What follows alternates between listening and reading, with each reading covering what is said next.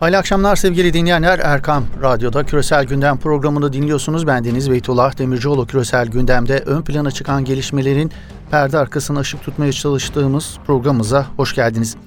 İsrail ile Hizbullah örgütü arasındaki gerilim dış politika gündeminde en üst sıralarda kendisine yer bulmuş vaziyette. Malum İsrail 17 Eylül'de seçimlere gidiyor her seçim öncesi olduğu gibi Başbakan Netanyahu seçim yatırımı olarak gördüğü tansiyonu yükseltme taktiğine yine başvurmuş vaziyette. Hem içeride hem dışarıda sergilediği saldırılarla İsrail sağını konsolide etmeye çalışıyor. Seçimler öncesinde Batı Şeria'yı ilhak politikasını açıklayan İsrail Başbakanı Benjamin Netanyahu 17 Eylül seçimlerine yatırım yapmak üzere son haftalarda Gazze'ye defalarca hava saldırıları düzenleme emrini vermişti. Bununla da yetinmeyen Netanyahu, Irak'taki Şii Haçlı Şabi güçlerine Suriye'nin terör örgütü YPG PKK kontrolü altındaki bölgeden geçen ay hava saldırıları düzenlenmesi emrini vermişti İsrail ordusuna. İsrail Başbakanı'nın son olarak oy devşirme taktiğini Lübnan'daki Hizbullah örgütünü hedef alarak sergilediği anlaşılıyor. Hizbullah örgütü de İsrail saldırılarına karşılık verdi. İsrail ordusu Lübnan'dan İsrail tarafına bir dizi tank savar atışı yapıldığını, buna karşılık Lübnan'ın güneyinde atışların yapıldığı bazı hedeflerin vurulduğunu duyurdu.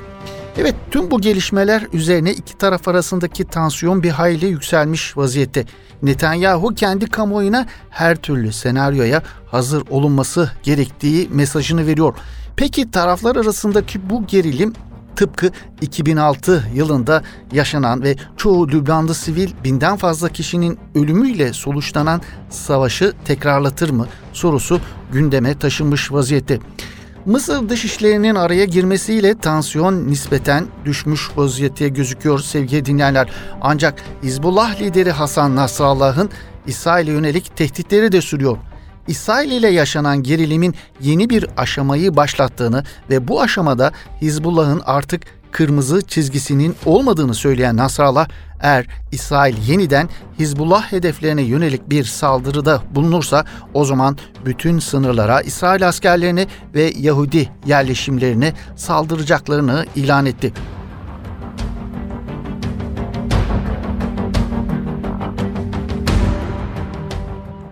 Hizbullah lideri Hasan Nasrallah'ın İsrail'e yönelik tehditleri Orta Doğu medyasında pek de samimi bulunmamış gözüküyor sevgili dinleyenler. Orta Doğu medyasında Hizbullah liderinin İsrail'e yönelik bu tehditleri ifade ettiğimiz gibi samimi bulunmuyor. İsrail gibi Hizbullah'ın da İsrail karşıtlığını söylemden öteye taşımayan popülist bir yaklaşım olarak nitelendiriliyor. Suriye'de Esed ile birlikte yüz binlerce Müslümanı katleden Hizbullah'ın İsrail'e yönelik tehditleri kuru tehditler olarak görülüyor, okunuyor Orta Doğu medyasında. 2006 yılında Şiisi ile Sünnisi ile İsrail'e karşı Hizbullah'ın yanında yer alan Arap sokaklarının tavrı bugün oldukça farklı. Bir başka deyişle Hizbullah'ın Suriye'de Müslümanları katlederken gösterdiği cesareti İsrail'e karşı gösteremeyeceği kanaati dillendiriliyor. Özellikle sosyal medyada bu yönde yapılan espriler eşliğinde sevgili dinleyenler.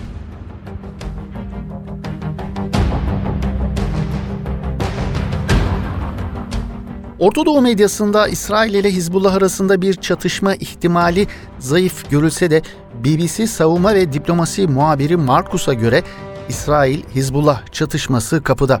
İsrail ve Lübnan'daki Hizbullah örgütü arasındaki son karşılıklı saldırılar sona da ermiş olabilir, devamı da gelebilir diyen Markus ancak emareler halen ciddi bir çatışmanın kapının eşiğinde olduğuna işaret ediyor diyor. Şimdilik operasyonları durdurmaları her iki tarafında çıkarına diyen Markus hiçbiri büyük çaplı bir savaş istemiyor. Gelişmeler büyük ölçüde gerilimi sakinleştirmeye çalışan İsrail'in oyununa Hizbullah'ın vereceği tepkiye bağlı değerlendirmesinde bulunuyor BBC muhabiri Markus.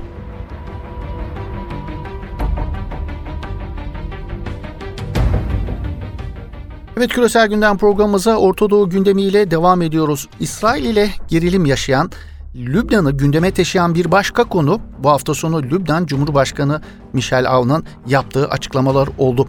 Michel Avn'ın Lübnan Devleti'nin kuruluşunun 100. yıl dönümü dolayısıyla Osmanlı İmparatorluğu hakkındaki dile getirdikleri gerçekten bir hayli tepki çekti.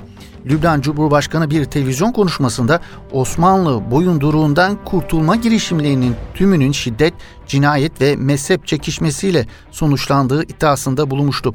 Bu açıklama hem Türkiye'de hem de Orta medyasında bir hayli geniş yer buldu kendine.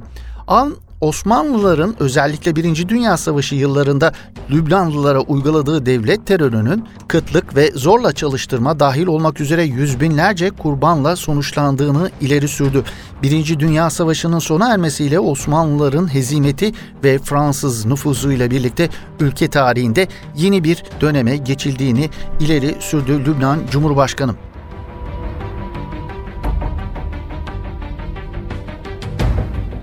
Türkiye, Lübnan Cumhurbaşkanı Michel Aoun'un Osmanlı dönemiyle ilişkin ifadelerini şiddetle kınadığı sevgili dinleyenler Dışişleri Bakanlığı'nca yapılan açıklamada iddia edildiğinin aksine Osmanlı dönemi Orta Doğu'da uzun bir istikrar dönemi olduğunun altı çizildi. Yine bu dönemde farklı din ve dilden toplumların barış içinde bir arada yaşadığının altı çizildi. Dışişleri Bakanlığı'nca yapılan açıklamada sevgili dinleyenler.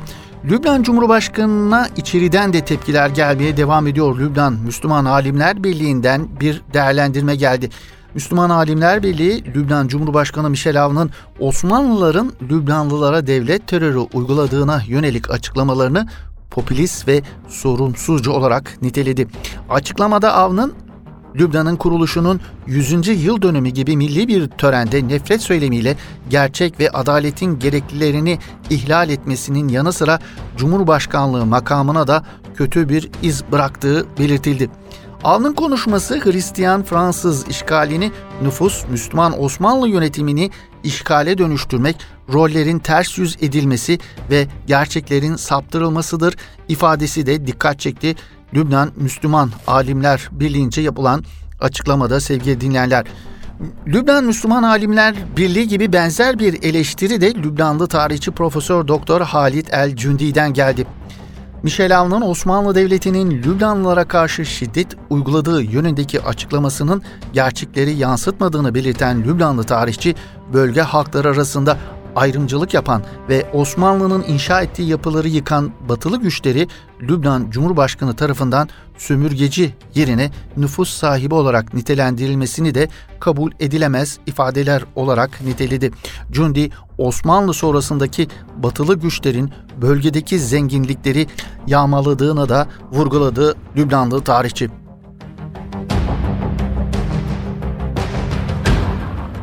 Evet Yemen'deki siyasi kriz ve insanlık dramı uzun zamandır gündemden düşmüyor sevgili dinleyenler. Suudi Arabistan yaklaşık 5 yıl önce Yemen'deki sorunları birkaç hafta içerisinde halledeceği iddiasıyla Birleşik Arap Emirlikleri ile birlikte Yemen'e askeri müdahalede bulunmuştu. Birkaç hafta değil aradan 4 yıl geçmesine rağmen Yemen krizi sona ermiş değil. Aksine kriz çok daha derinleşmiş, ülkenin yaşadığı insanlık dramı çok daha ürpertici boyuta taşınmış bulunuyor. Suudi Arabistan Yemen'de kelimenin tam anlamıyla batağa saplanmış denebilir. Çıkmak istiyor ama çıkamıyor. Yüklendikçe de Yemen'de neden olduğu katliamların boyutu her geçen gün biraz daha derinleşiyor. Yemen'in Zamar kentinde Husilerin alıkoyduğu kişileri tuttuğu hapishane niteliğindeki bir binaya Suudi Arabistan öncülüğündeki koalisyon güçlerinin düzenlediği hava saldırısında 125'ten fazla kişinin öldüğü ve çok sayıda kişinin yaralandığı saldırı Riyad Abu Dhabi koalisyonunun Yemen'deki katliamlarının sonuncusuydu. Umarız sonuncusu olur tabi. Evet Riyad ile Abu Dhabi koalisyonu Yemen'deki müdahalelerinden bir sonuç alabilmiş değil. Sonuç alamamalarıyla birlikte süreç içerisinde her iki ülkenin Yemen'deki öncelikli hedeflerinin değişmeye başlamasıyla birlikte koalisyon ortaklarının ortaklığı da bozulmak üzere.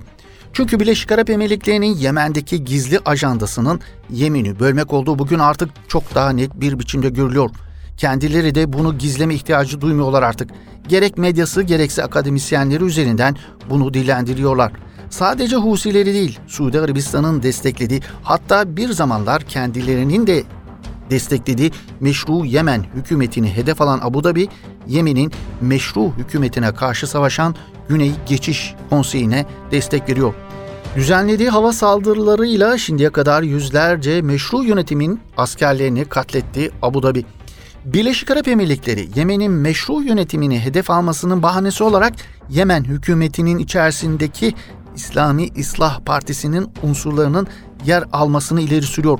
Ancak Yemen meşru hükümeti Yemen'i bölmek isteyen Birleşik Arap Emirlikleri'nin bunu bir bahane olarak kullandığını belirtiyor. Evet Yemen'deki kriz yakın bir gelecekte sona erecek gibi gözükmüyor sevgili dinleyenler. Birleşik Arap Emirlikleri Yemen'i bölme çabasında ne kadar başarılı olur bilmez ama koalisyon ortakları Riyad ile Abu Dhabi arasında Yemen özelliğinde yaşanan görüş ayrılığı İran'ın Yemen'deki ağırlığını artıracağı muhakkak.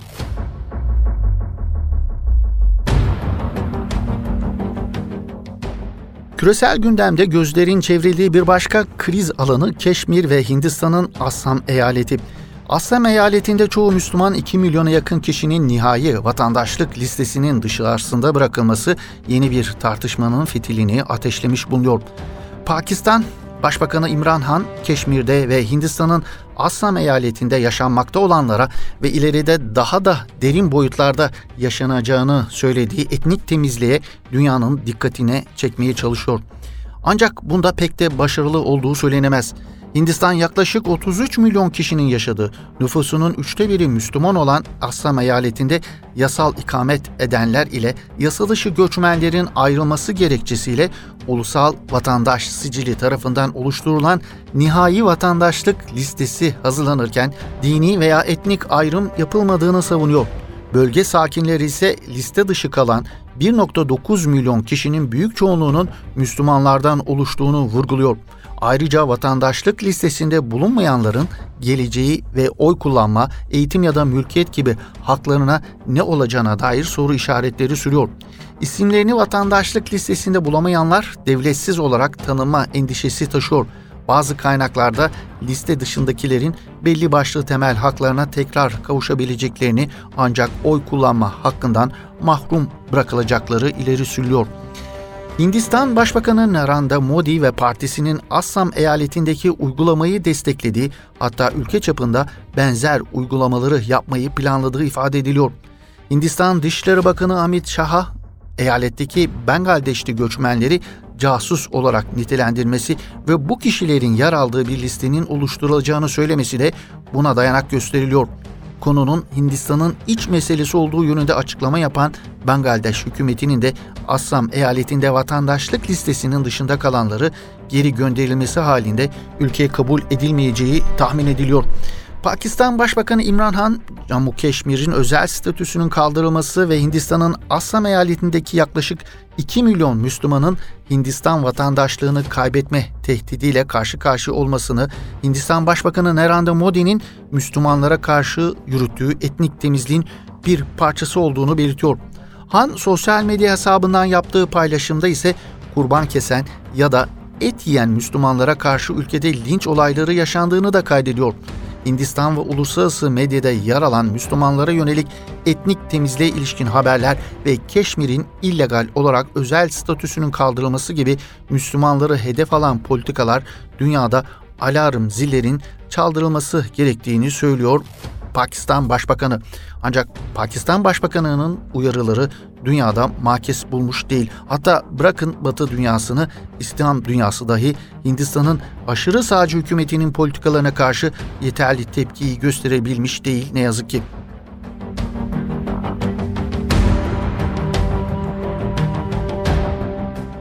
Küresel Gündem programımıza Asya'dan Avrupa'ya uzanarak devam edelim. Norveç'te ilginç bir tartışma yaşanıyor sevgili dinlerler. Tartışmanın konusu gizli İslamlaşma tehlikesi. Liberal eğilimli ilerici parti liderine göre Norveç gizli bir İslamlaşma tehlikesiyle karşı karşıya. Peki ileri parti liderinin bu kanaata nasıl vardığına bir bakalım. İlerici parti lideri ve Maliye Bakanı Siv Jensen diyor ki Norveç'te kadınlarla erkekler birbirleriyle el sıkışır tersi gizli İslamileşmeyi gösterir. Peki bu tartışma nasıl başlamış? Norveç'te saldırıya uğrayan El Nur İslami Merkezi Camisi'ne geçmiş olsun ziyaretinde bulunan Norveç Veliaht Prensi Haakon, ziyareti sırasında camide bulunan Müslüman kadınlarla tokalaşmak için elini uzatıyor. Kadınlar ise dini hassasiyetleri sebebiyle veliahtla tokalaşmayı kibarca reddediyorlar. İşte ilerici parti lideri ve Maliye Bakanı Siv Jensen Norveç yurttaşlarının karşı cinsten insanlarla el sıkışmayı reddetmesinin gizli İslamlaşma anlamına geldiğini ileri sürmüş. Muhafazakar Parti lideri ve Başbakan Erna Solberg ise koalisyon ortağının bu görüşüne katılmadığını belirtiyor. Norveç Başbakanı gizli İslamileşmenin yanlış bir kavram olduğunu söylüyor çünkü Norveç'te böyle bir şey yok diyor Başbakan Erna Solberg.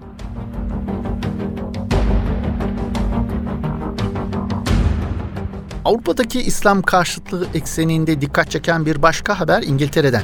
Şu sıralar İngiltere'de tartışmanın göbeğindeki isim olan Başbakan Boris Johnson, başörtüsü hakkında yaptığı alaycı yorumlarını takip eden haftada Müslümanlara karşı yapılan saldırı ve taciz sayısında %375'lik artış görüldüğü yönündeki haber oldukça dikkat çekici.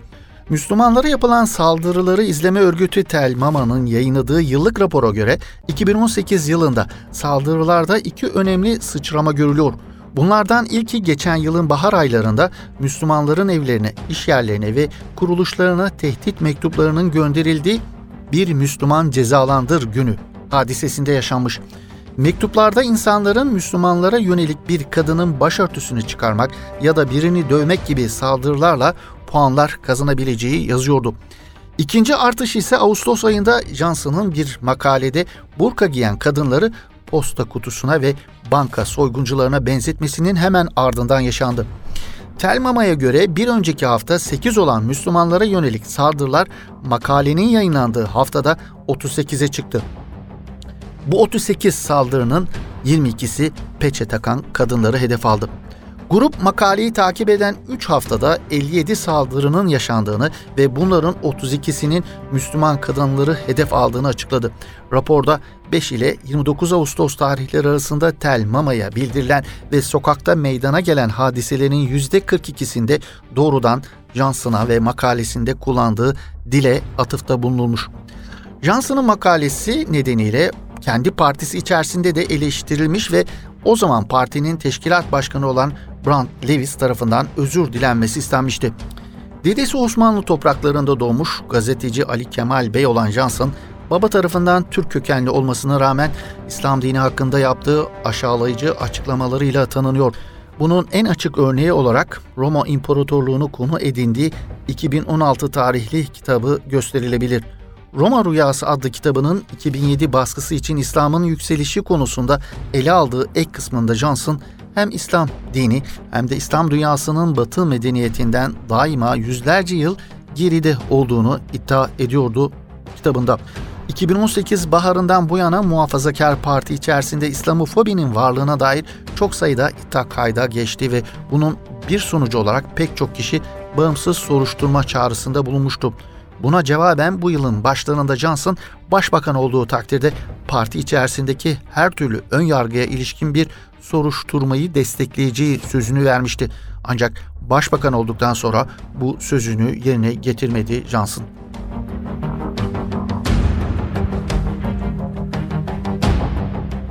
İslam karşıtlığı açısından endişe veren bir başka gelişme Almanya'dan sevgili dinleyenler. Almanya'da İslam karşıtı aşırı sağcı Almanya için Alternatif Partisi kurulduktan sonra girdiği her seçimde oylarını yükseltmeye devam ediyor.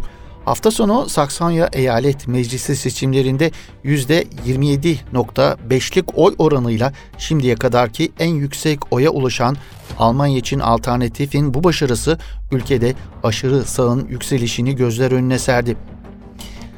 Almanya'da yapılan bir kamuoyu araştırması Almanya için Alternatif Partisi'ne en çok oyların gençler ve orta yaşlılardan geldiğini gösteriyor.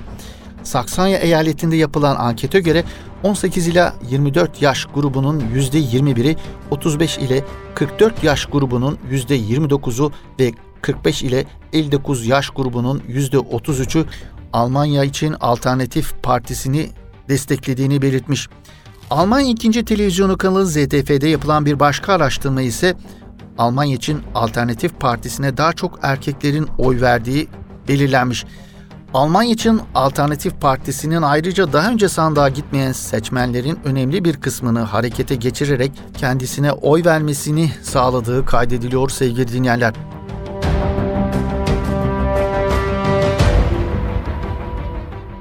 Evet Almanya'da yükselişe geçen İslam karşıtlığı açısından tehlikeyi ifade eden bu haberimizde bir küresel gündem programımızın böylelikle sonuna gelmiş bulunuyoruz. Yeni bir küresel gündem programında buluşmak ümidiyle hoşçakalın, iyi akşamlar efendim.